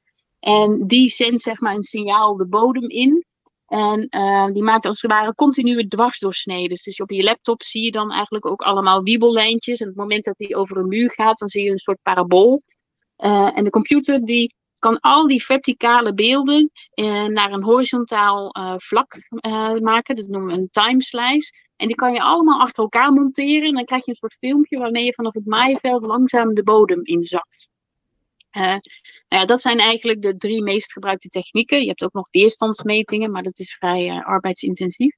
Maar op die manier, zeg maar, met die gereedschapskist uh, kun je dus nou ja, een heel goed beeld krijgen van, van de ondergrond. Oké, okay. maar ja, dat moet, een, dat moet centimeter voor centimeter dus. ja, ja, nou ja, het is um, hoe dichter je het grid loopt, zeg maar. Dus we lopen zeg maar in lijnen om de halve meter uh, des te nauwkeuriger en betrouwbaarder het beeld wordt. Hè? Want de computer gaat daar natuurlijk aan rekenen. En hoe groter jij de afstand tussen je lijnen maakt, uh, ja, hoe groter je foutmarge wordt. Want dan heb je kans dat de computer dingen aan elkaar gaat rekenen die niet bij elkaar horen. Dus als we het net zoals wij doen, zo intensief en dicht, dan krijg je echt wel een heel betrouwbaar beeld. Ja, ik was even benieuwd, uh, want je, je, vertelde net dat er veel meer kastelen eigenlijk onder de grond bewaard liggen dan dat we eigenlijk dachten. Um, ja. Als dat, als, dat, als dat inderdaad uh, meer naar voren komt, hè, moeten we eigenlijk niet een stukje geschiedenis uh, herschrijven. Uh, want, want dat betekent dus dat we er veel meer was dan dat we dachten. Ja, nee, maar dat, ja, daar zijn we dus nu ook actief mee bezig. kijk, Diana heeft natuurlijk al een hele mooie voorzet gegeven in haar studie zeg maar, over de kastelen van het Oversticht. En wat je krijgt, zeg maar, is dat je zit eigenlijk een beetje in de tijd dat er heel weinig geschreven bronnen zijn. Um, dus van sommige kastelen is ook gewoon niks bekend. Gewoon puur omdat het nooit, uh, of dat het misschien wel is opgeschreven, maar niet bewaard is gebleven. Uh, dus ja, dat is wel een beetje mysterie zoeken. En uh, ja, het is eigenlijk iets wat, wat iedereen ook een beetje kan doen. Hè? Want een andere techniek die, nou ja, die de samenvattende term remote sensing kent eigenlijk, wil eigenlijk gewoon zeggen uh, de wetenschap van het speuren op luchtfoto's en satellietfoto's en hoogtelijnenkaarten. En dat is gewoon voor iedereen toegankelijk. En zeker in de droge periode, zoals in 2018 en 2019, uh, zijn er ontzettend veel waarnemingen gedaan. Omdat het toen zo droog was dat er allerlei dingen zichtbaar werden die ja, normaal nooit gezien werden. Dus er zijn nu ook ah. steeds meer mensen actief naar aan het speuren. En uh, zodoende krijgen we ook vaak hele goede tips. En waar we nou ja, wel echt uh, wat mee kunnen. Dus er is echt nog iets te ontdekken. Gaaf zeg, ja. ja. Oké, okay, tof. We, we, gaan het zo hebben over, of misschien doen we dat morgen, maar we gaan het hebben over Stonehenge. Oh, uh, ja. Doe jij daar ook iets mee met, met van die oude, oude energieplekken en geheimzinnige Nee, nee, dat is, maar, ja, mijn, mijn, mijn doelgebied zit toch wel echt in, uh, in Nederland en dan uh, ja, de middeleeuwen en, uh, en de nieuwe tijd. Maar als je het hebt over mystie ja, mystieke plekken, zeg maar. Nou ja, een, een deel van de verklaring waarom kasteel Oud-Haarlem waarschijnlijk nooit overbouwd is. Een theorie daarvan is zeg maar, dat die mensen die op het kasteel waren en allemaal vermoord zijn, zijn ook daar op het terrein begraven vermoedelijk. En wij denken ook eigenlijk dat het terrein nooit meer ontwikkeld is, omdat men het toch een beetje als een soort misschien vervloekt terrein beschouwde. En dus soms heb je wel van, nou ja, dat dan zo'n plek niet meer gebruikt wordt vanwege zo'n nou ja, nogal dramatische gebeurtenis uit het verleden. Ja, dat hoef je niet eens te weten. Hè? Dat is gewoon, gewoon energie. Dat, dat, dat willen mensen niet. je, hebt ook, je hebt ook huizen. Ik kende iemand die woonde tegenover een huis waar steeds maar nieuwe mensen inkwamen. En die, die, die gingen allemaal scheiden en die, die verhuisden constant. En toen bleek dat huis precies op een soort breuklijn te liggen of zo. Uh, dus dan, ja, je voelt dat gewoon aan of zo op een, gegeven, op een of andere manier. Serieuze slechte vibes. Ja. Nee, maar er zijn natuurlijk wel van, kijk, en dat zien we zeg maar met de archeologie ook wel. En dan met name in uh, in prehistorische vindplaatsen, dan zie je toch wel dat, uh, nou ja, dat bijvoorbeeld ook heel veel deposities, uh, rituele deposities in de natte zijn. Dus dat je bepaalde plekken hebt, bepaalde watertjes, waar mensen heel vaak vondsten deponeren. Dus zeg maar een soort offer brengen. Dus dan in die tijd zie je dat, zie je dat wel. Van de middeleeuwen is dat wat minder bekend, omdat ja, dan wordt het een beetje uitgebannen. Omdat dan in die tijd natuurlijk alles wat bovennatuurlijk is, is ongeveer staat gelijk aan hekserij. Dus dan zie je dat minder. Je ziet wel bijvoorbeeld bij begravingen dat mensen dan toch nog de muntjes op de ogen krijgen of op de tong om de overtocht te kunnen betalen. Dus dan zie je dat ah. ze stiekem toch nog wel wat, uh, wat heidense gebruiken hadden. Uh, je ziet het ook wel terug uh, ja, in de indirecte dingen. Hè? Dus dat mensen dan toch bijgelovig zijn. Dus dat je als je een, haardvuur hebt en je zet daar een vuurstolp overheen, dat daar dan uh, om de rookopeningen bloemetjes gemaakt zijn. En dat zijn dan de zogenaamde balbriksbloemen. En daarvan geloofde men dat ze vuurafdrijvend zouden zijn. Dus heel stiekem zie je dan uh, toch nog, zeg maar, nou ja, dat soort bijgeloven uh, er doorheen komen. En dat is het leuke van archeologie, want de geschreven bronnen die zullen daar uh, geen, uh, geen opmerking van maken. Maar in zeg maar, de vondsten die je vindt, dus die echt het verhaal vertellen, uh, vind je dat weer wel terug. Ja. Ja, Niels, daar hadden we het net over. Jij zei van, wat heeft archeologie, archeologie met spiritualiteit te maken? Nou, uh, we, we, hebben het antwoord. Ja, nee, precies. Heel veel, ja. Maar, ja, maar dan moet je het dan weer goed interpreteren natuurlijk, hè. Want, want uh, die symboliek, die, die, die kan natuurlijk uh, verschillende betekenissen bevatten, lijkt mij. Nee, klopt hoor. Ja, sommige van, je hebt natuurlijk, ehm, het is natuurlijk ook een hele wetenschap op zich, zeg maar, de symboolleer. En uh, nou ja, in die tijd, in de tijd zeg maar dat mensen natuurlijk niet konden lezen en schrijven, was natuurlijk de symboliek was natuurlijk waanzinnig belangrijk. Hè? We kennen natuurlijk allemaal de verhalen van de Da Vinci Code en uh, dat Robert Langdon natuurlijk helemaal, uh, nou ja, helemaal losgaat op die symbolen. Maar het is wel, er zit wel een kern van waarheid in. Hè? Want als je goed kijkt naar uh, de middeleeuwse schilderijen, dat zijn natuurlijk toch al een soort van de stripverhalen voor de mensen die niet konden lezen. Dus er zit in heel veel uh, afbeeldingen zit vaak een dubbele betekenis. Uh, als jij in de 17e eeuw uh, voor je huwelijk een bord krijgt en er staat een granaatappel op, dan is dat het symbool voor vruchtbaarheid. En net als dat de duif toen ook als symbool stond voor liefde en de uil voor wijsheid.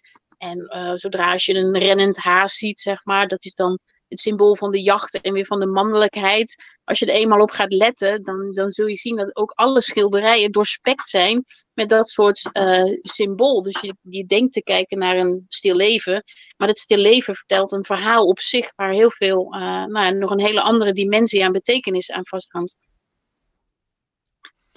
Ja, ja. Jongen, jongen, interessant zeg. Wat, uh, de, en, en hoe, lang, hoe, lang, hoe lang doe je dit werk eigenlijk al? Want uh, ben, je, uh, ben je hier dan dagelijks mee bezig of is het... Ja, ja, ja, dit is natuurlijk gewoon mijn, mijn vak. en ik ben sinds 2005 afgestudeerd archeoloog. En ja, ik doe dit dagelijks. Alleen nu even niet. Nu heb ik vakantie, maar... ja, ook belangrijk. Zo is het. Ja. Ehm, Mag, mag ik nog vragen, dat is, natuurlijk eh, persoonlijk dit, maar uh, heb, heb jij zelf wel eens een, uh, iets onverklaarbaars ervaren? Of een, een, een spirituele ervaring? Of een, waarvan je denkt, van, nou, ik, weet niet wat hier gebeurd is, maar dat, dat kan, kan ik niet verklaren. Nou, niet, niet zo, maar wel soms dat je, ehm, dat je wel iets ja, ik had zeg maar heel sterk. Ik heb in 2015 in Alkmaar een hele grote brand gehad. En toen hebben we uh, daar een opgave gedaan. En een van de huizen die we hebben opgegraven was van de beroemde dichteres Maria Tesselschade. En uh, we hebben daar haar woonhuis gevonden en haar spullen. En eh, in de beerput, dus eigenlijk de toiletput, maar die werd ook een beetje als een soort afvalkliko gebruikt, eh, werd zeg maar ook afval gedeponeerd. En daar zat een, een hele mooie eh, gouden ring met diamant in. En die bleek van haar. En ehm, ik was de eerste, zeg maar. Nou ja, mijn collega die was dat aan het schoonmaken. En dat was niet op mijn kantoor, maar op een andere plaats. En hij kwam aangefietst buiten adem. En hij, en hij legde ineens een, een zakje op tafel, helemaal uitgeput. En daar zat die ring in, nog nat van het spoelen. En die had ik toen om mijn vinger. En dan krijg je wel een, een hele aparte historische sensatie. Dus ik zat Oh. niet zozeer spiritueel, maar je kunt wel echt dat soort historische sensaties hebben. Dat jij even het moment hebt van, hé, hey, ik heb dit voor het eerst sinds 400 jaar, sinds de laatste eigenaar het vast had, heb ik het vast. En dan krijg je wel een soort connectie. Dat, Ja, eh, er zit natuurlijk een bepaalde energie aan vast, hè, aan, aan die, aan die eh, oude voorwerpen. En dat, dat merk je ook wel eens als je eh, door een oud museum loopt of door een oude, oude plek. Eh, dat je Ja. dan, dan soms een vlag van energie eh, langs je heen gaat. Of dat je denkt van, hé, hey, dit is, dit, je merkt gewoon dat, het, dat hier heel veel historie hangt, hè? Ja, en het mooie is wel dat je op die manier kan je dan toch even, even connectie maken. Ja, en dat is Ja. wel, wel heel bijzonder. Dus ik noem het altijd een historische sensatie. Dat, eh, Ja, dat is een mooie term. Mooie term. Ja. Eh, nou, Niels, had jij nog vragen? Want s- er, moet, nou, gevaren worden, hè? IJsselmeer moet wel bevaren worden ook nog vandaag. Ja, ja, nee, precies. Ik, ik, ik ben heel benieuwd. Eh, want eh, ja, want je, je bent dus vooral in, in Noord-Holland bezig, hè, vertelde je. Maar is, is het ook in, in het noorden van Nederland, in, in Groningen, in Drenthe en zo, zijn er ook veel vondsten? ja, ja. Ja, Diana zeg maar, heeft zich dan inderdaad met, met die regio bezig gehouden. Maar, maar ook daar, er is nog, nog zoveel. Zuid-Holland en Brabant, eh, noem het op. Dat, eh, ja, er is nog heel veel te doen. Oké, Dus ik hoop dat gaten. ons onderzoek zeg maar weer eh, nou ja, een goede voorzet gaat geven. En eh, nou ja, ook, hopelijk ook de nodige spin-off dat nou ja, anderen dit ook gaan oppakken. En dat we een beetje het kastelenlandschap weer kunnen nou ja, in kaart gaan brengen. Als, als mensen nou geïnteresseerd zijn hè, in dit soort dingen, ehm, heb, heb je daar nog tips voor van hoe je daarmee begint? Van mensen die Eh, denken, nou, oh, hey, ik, wil, ik wil ook wel tips aanleveren en eh, iets ontdekken. Ja, nou je kunt zeg maar, eh, de Rijksdienst voor het Cultureel Erfgoed, die heeft pas een website gelanceerd over remote sensing. En daar hebben ze eigenlijk de meest handige kaartlagen al voor je op een rijtje gezet. En die kan je dan over elkaar eh, aanklikken en uitklikken. En dan kan je dus eigenlijk heel makkelijk in je eigen omgeving kijken van, hé, hey, hey, wat zie ik? En dan kan je daar toch een beetje mee, mee spelen. En ik weet ook dat Erfgoed Gelderland had ook een heel, eh, hele website opgezet waar mensen gewoon thuis vanuit een luie stoel mee kunnen speuren naar grafheuvels op de Veluwe. En, eh, dus er gebeurt steeds meer. En het is gewoon iets waar je jezelf nou ja, best wel heel handig in kunt maken en eh, je gelijk in kunt gaan vinden. Oké, Oké, dat is remote, remote sensing, heet dat. kunnen we afspreken dat we dat, over een tijdje jou weer eens een keer vragen om een update te geven? Ja hoor, dat mag. Leuk, gaan we doen. Super. Oké, Nancy, nou heel erg bedankt dat je Ja, even heel leuk om eh, eh, bij ons wilde komen. te kunnen zijn. En, eh, en veel succes. En Ja, dankjewel. Is goed. Oké. Oké, bye bye. Doeg. Doei. Bye.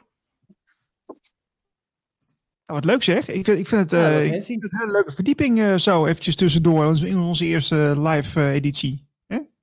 Ja, dat komt, zomaar, komt, komt zomaar binnen. En we zijn ook nog live. We zijn ook nog live. We zijn ook niet eh, dat, we, dat we alles voor niks doen. Nou ja, goed, het is, het is natuurlijk ook een beetje afstemmen. Want eh, kijk, als ik in mensen interview, doe ik dat altijd een beetje met een stukje voorbereiding. En jij waarschijnlijk ook wel. En nu doe het een beetje uit losse pols. En dat, dat is ook gewoon wel heel grappig hoe dat werkt. Ja, nou ja, ik had, ik had een beetje ingelezen, maar ja, in dat artikel daar stond natuurlijk eh, niet zo heel veel. Ehm, en eh, en eh, ja, dat is, toch, dat is toch ook weer, ik bedoel, je zit, je zit toch vaak een beetje te schelden op Twitter en zo. Op Twitter zelf, op dat Mm. platform. Eh, maar eh, dankzij Twitter hebben we gewoon een Nancy in de uitzending eh, kunnen halen. Gewoon, een, een- wat is het, twee uur van tevoren gevraagd en wilde gewoon meedoen. En Was op vakantie, maakt allemaal niet uit. dus, maar, nou, dat is hartstikke leuk dat we zo allemaal zo interactief zijn. En mensen die hier naar kijken, voel je vrij om, om ons te benaderen voor, ja, voor een bijdrage. Als je iets leuks hebt om, om toe te voegen in het programma. Um, ik heb nog even iets over zingen. Zullen we, zullen we zingend eindigen? Is dat een idee? Uh, niet zo'n zanger? uh, dat gaat over de oom, denk ik, hè? De oom, ja. ja, ja ik, heb, uh, ik heb een leuk artikel, artikeltje gevonden. dat gaat over dat er acht wetenschappelijke ondersteunende redenen zijn om oom te zingen. En um, ja, in het Sanskriet wordt uh, spreek je uit als oom en verwijst het naar de drievoudige opdeling van de tijd. De wakkere staat, de dromende staat en de diepere slaap. En uh, oom staat ook voor God, bron en universeel bewustzijn. En het wordt gezien als het geluid van de schepping, waardoor het verwijst naar alles dat bestaat. En nu zijn er dus uh, acht um, voordelen die je kunt merken wanneer je dus oom regelmatig zingt. En nou, ik zal ze even opnoemen. Het vermindert stress. Uh, het verhoogt concentratie. Het balanceert je emoties. Het versterkt je ruggengraat. Het kan maagklachten verlichten. Het verbetert je gezondheid van je hart. En het verhoogt je mentale alertheid. Um, ook zie je ook nog een paar. Ja, het helpt je ook om minder negatief te denken. Uh, ja, dat was het wel. Ja, minder negatief denken. Nou, daar houden we van. dus uh, dat, is, dat is leuk. Ik ga ze niet allemaal voorlezen. Dat is een beetje surf natuurlijk. Maar dus, dat is hartstikke leuk dat, dat er dus uh, voordelen zijn te bemerken bij, bij zingen en uh, vooral bij oom. Maar uh, nu moet ik altijd denken aan mijn oma, die zit ook in een zangkoor. En dan vond ik altijd een beetje, ja, in een zangkoor. Wie gaat daar nou in een zangkoor, weet je wel? Dat is dan niet, niet, niet gaaf. Maar nu, nu denk ik van, ja, waarom ook eigenlijk niet? Waarom zou je niet in een zangkoor gaan? Dat is toch. En dan beleef je het ook nog een keer samen. Hè? Dat is niet, niet kerkelijk, maar het is gewoon meer een soort, soort vrouwenkoortje, weet je wel, hobbymatig. Ja, ik, ik, misschien is dat wel iets wat we, wat we weer wat meer mogen oppakken met elkaar, weet je. Dat, dat, uh, die, die, die, die, verbondenheid die je dan hebt in, in zo'n zaaltje. Uh, je doet iets samen, je creëert iets samen. En natuurlijk die vibratie die door je heen gaat. En zelfs acht wetenschappelijke uh, ondersteunende ja, gavers heeft voor, je, voor, je, voor jezelf. Dus dat is eigenlijk wel heel leuk. Ja, dat wil ik even melden. Ik heb het wel eens geprobeerd. Als je wandelt en dan inderdaad ja, de hele tijd oom, oom. En dat, en dat je dat ook voelt. Hè? Je moet het een beetje voelen vibreren daar, uh, daar binnenin. Ja. Um, en uh, ik heb daar nooit zo heel veel aan gemerkt dat, dat het iets deed. Maar ik denk het helpt natuurlijk wel om je, ja, je gedachten uh, een beetje uit te schakelen. Want je, je, je bent toch gefocust op, op dat woord en op je ademhaling. En als je daarop focust, dan, dan ja, ben je niet gefocust op de gedachten die alleen maar afleiden en uh, weet ik veel allemaal. Ja, ja. Dus uh, het maakt je inderdaad wel rustig en dat vermindert het stress en dat verhoogt de concentratie en dat balanceert je emoties. Maar uh, ja, het is niet, dat, dat is altijd een beetje het probleem, dat het een beetje te subtiel is vaak. Dus dat mensen het gewoon niet merken. Ja, en daarnaast, dus dat moest ik nog eventjes toevoegen, moest ik ervan denken. Um, het schijnt dus ook zo te zijn dat zo'n mantra uh, uh, ja, uh, voordelig is voor je chakra, dus je derde oog. je dus, dus dat kan, het, kan ervoor zorgen dat het je derde oog kan reinigen en, en balanceren. Dus dat is hè, voor, de, voor de, hoe zeg je dat, je spirituele aansluiting zeg maar, met de kosmos, is dat ook nog eens een keer een, een bijkomstigheid. Um, Oké, okay. nou dan heb ik nog uh, één dingetje. Want ik dacht, uh, qua itempje, het is wel leuk voor mensen die uh, Michael Mellis kennen. Hij, hij is schrijver, hij is podcaster. Hij, heeft, hij komt volgens mij oorspronkelijk uit Rusland. Als ik het helemaal goed heb. Oh. Um, maar al, al van kleins af naar Amerika verhuisd. Hij heeft een boek geschreven over Noord-Korea, hoe dat daar allemaal gaat eh, met de onderdrukking en alles. Uh, en een boek over de, de New Right, de, het, het nieuwe rechts, wat, wat uh, afgelo afgelopen jaren is, heeft, ja, de, is, is opgedoken. En, en de message boards en de 4chans en zo. Um, En zijn laatste boek is een eh, bloemlezing van anarchisme. Wat is dat nou eigenlijk? En hij heeft allerlei anarchistische denkers door de hele geschiedenis heen heeft hij verzameld. En uh, nou ja, in, een boek, uh, in een boek gezet. En ze spreken elkaar ook een beetje tegen, dat is ook wel grappig. Anarchisme is niet helemaal duidelijk wat, wat dat nou precies is. Behalve dan dat, zoals, zoals hij het zelf zegt, wat is anarchisme?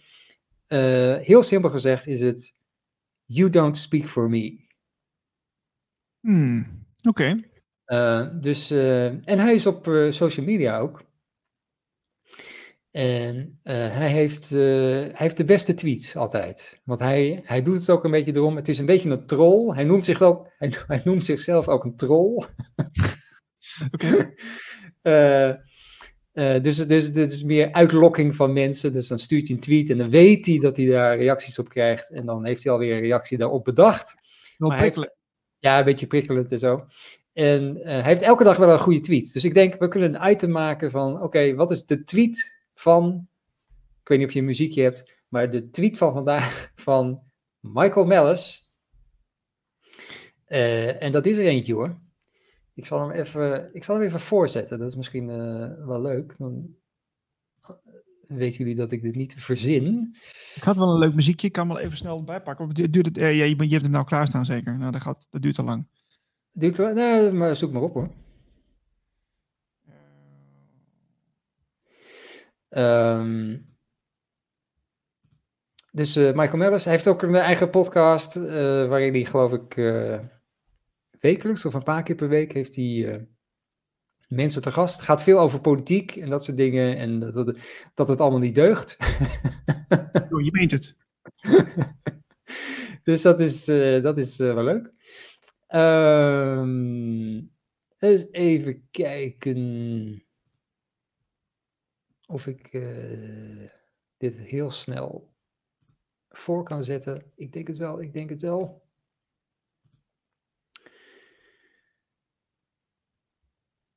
Uh, waarom gebeurt er niks? Ja.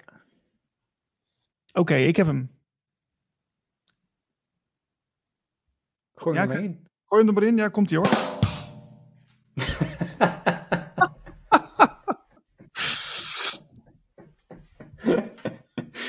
Oh, oh. Ja. Nou ja, het is een muziekje. Ja, het is een muziekje. Ja. Uh, de tweet van de, vandaag van Michael Mellers. Uh, hij is dus eigenlijk, ja, hij is van vandaag, 2 augustus zelfs.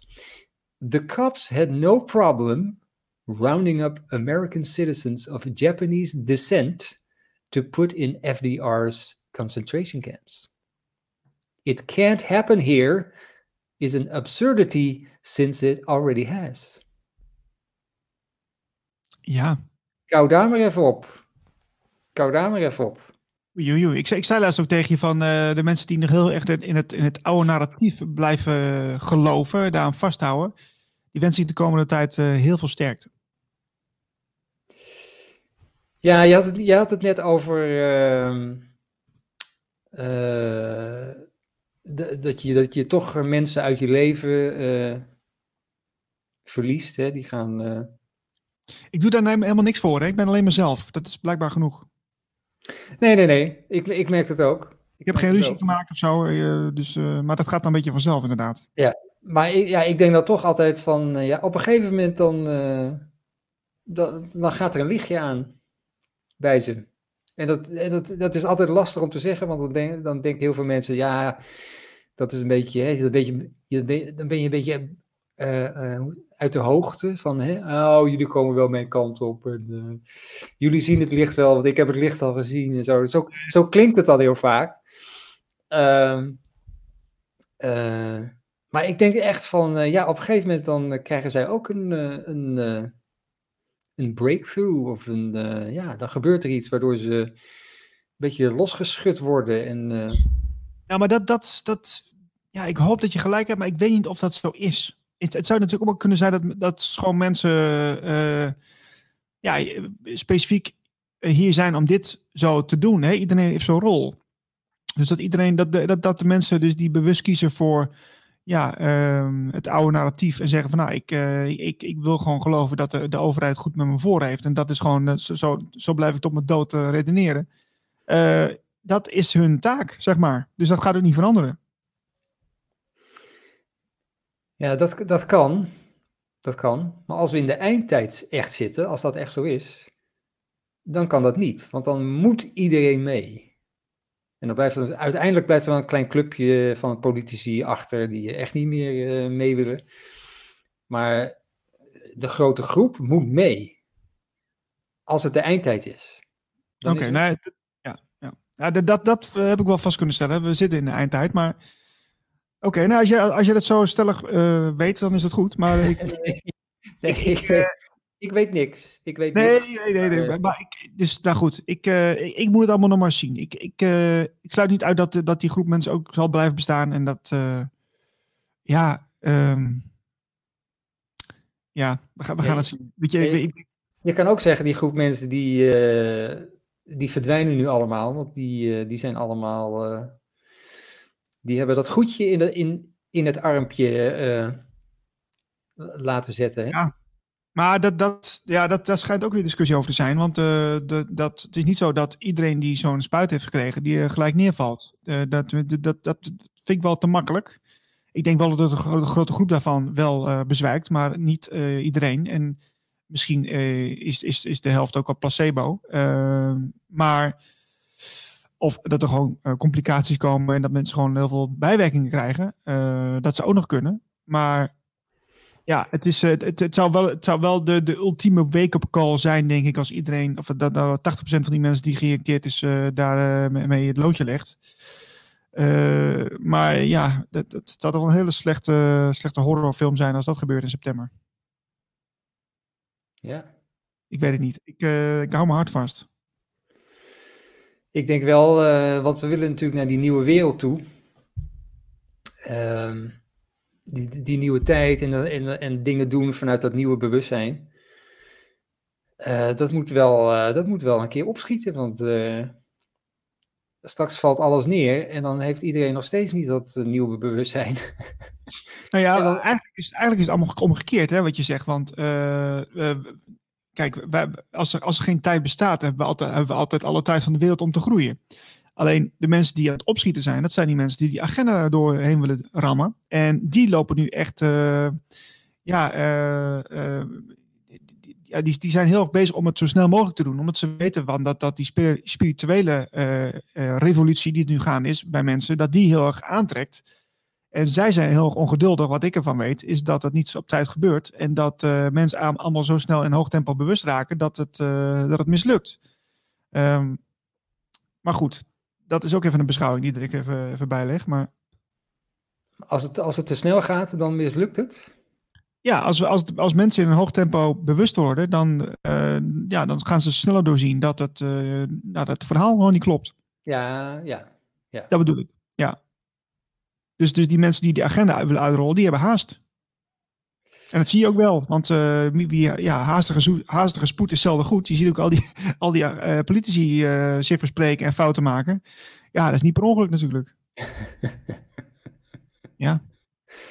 Oh, dat, dat kunnen we ook nog even zeggen. Over de inhoudelijk. Waar, dus we, hebben het, hè, de, we zijn een beetje aangekondigd als de nieuwe spirituele radiozender. En al, al dit soort dingen, dat, dat proberen we toch wel een beetje tot het minimum eh, te beperken. Dus we gaan het niet te veel over ja, de 3D-politiek hebben en, uh, en uh, injecties en noem maar op. Dat, want dat, dat, dat hoort ook niet thuis in die nieuwe wereld. Dus we gaan eigenlijk, we proberen eigenlijk, en daar moeten we ook een beetje zelf scherp op zijn, denk ik. En een beetje ja. in gedachten houden zo, zoals we willen dat het wordt, zo moeten we eigenlijk nu al doen. Dus in die wereld bestaan al die dingen niet. Bestaan politici eigenlijk helemaal niet meer. Dus dat, dat, daar hoeven we het nu dus ook niet over te hebben.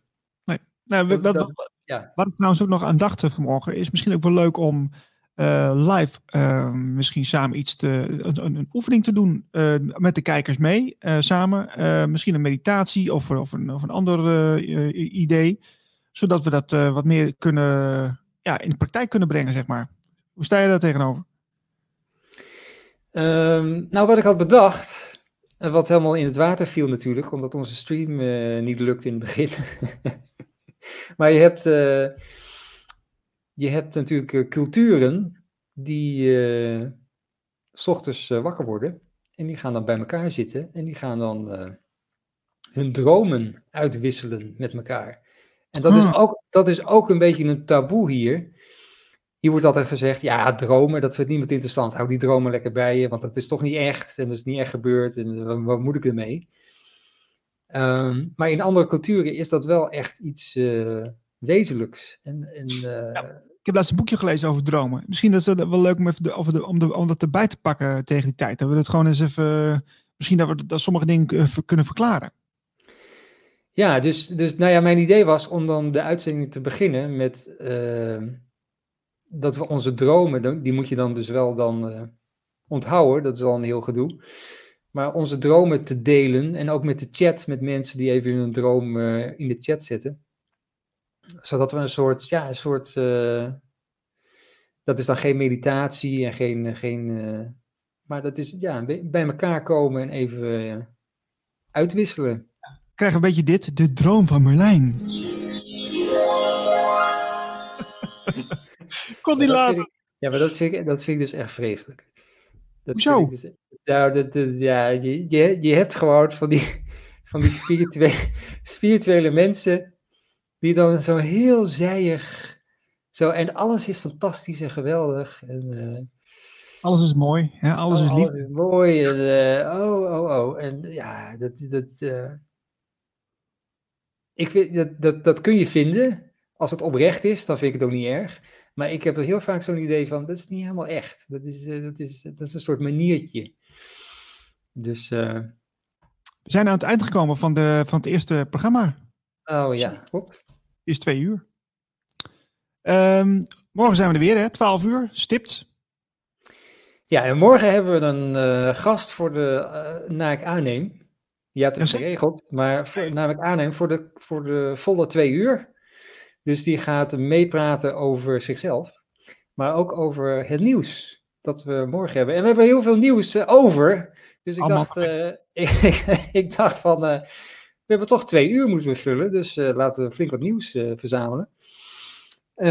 Maar er is heel veel over. Ja, Dus, En, eh, eh, wees erbij morgen 12 uur. En eh, ja, zorg dat je klaar zit. En, en doe lekker mee in de chat. Eh, stuur ons eh, een vraag, een mailtje. En eh, lekker interactief. En deel het eventjes. En wat wordt natuurlijk eh, lid van ons kanaal. Hè. Abonneer je op eh, de Radio Gletscher op YouTube en Twitter. En dan volg je ons eh, ja, de hele maand augustus met onze ja, radioreis eigenlijk naar een nieuw platform. En eh, daar mag je ook onderdeel van zijn. Leuk. Ja, we- dit is nog geen echte radio.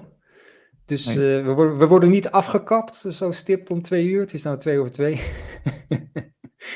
Eh, maar we stoppen er wel mee.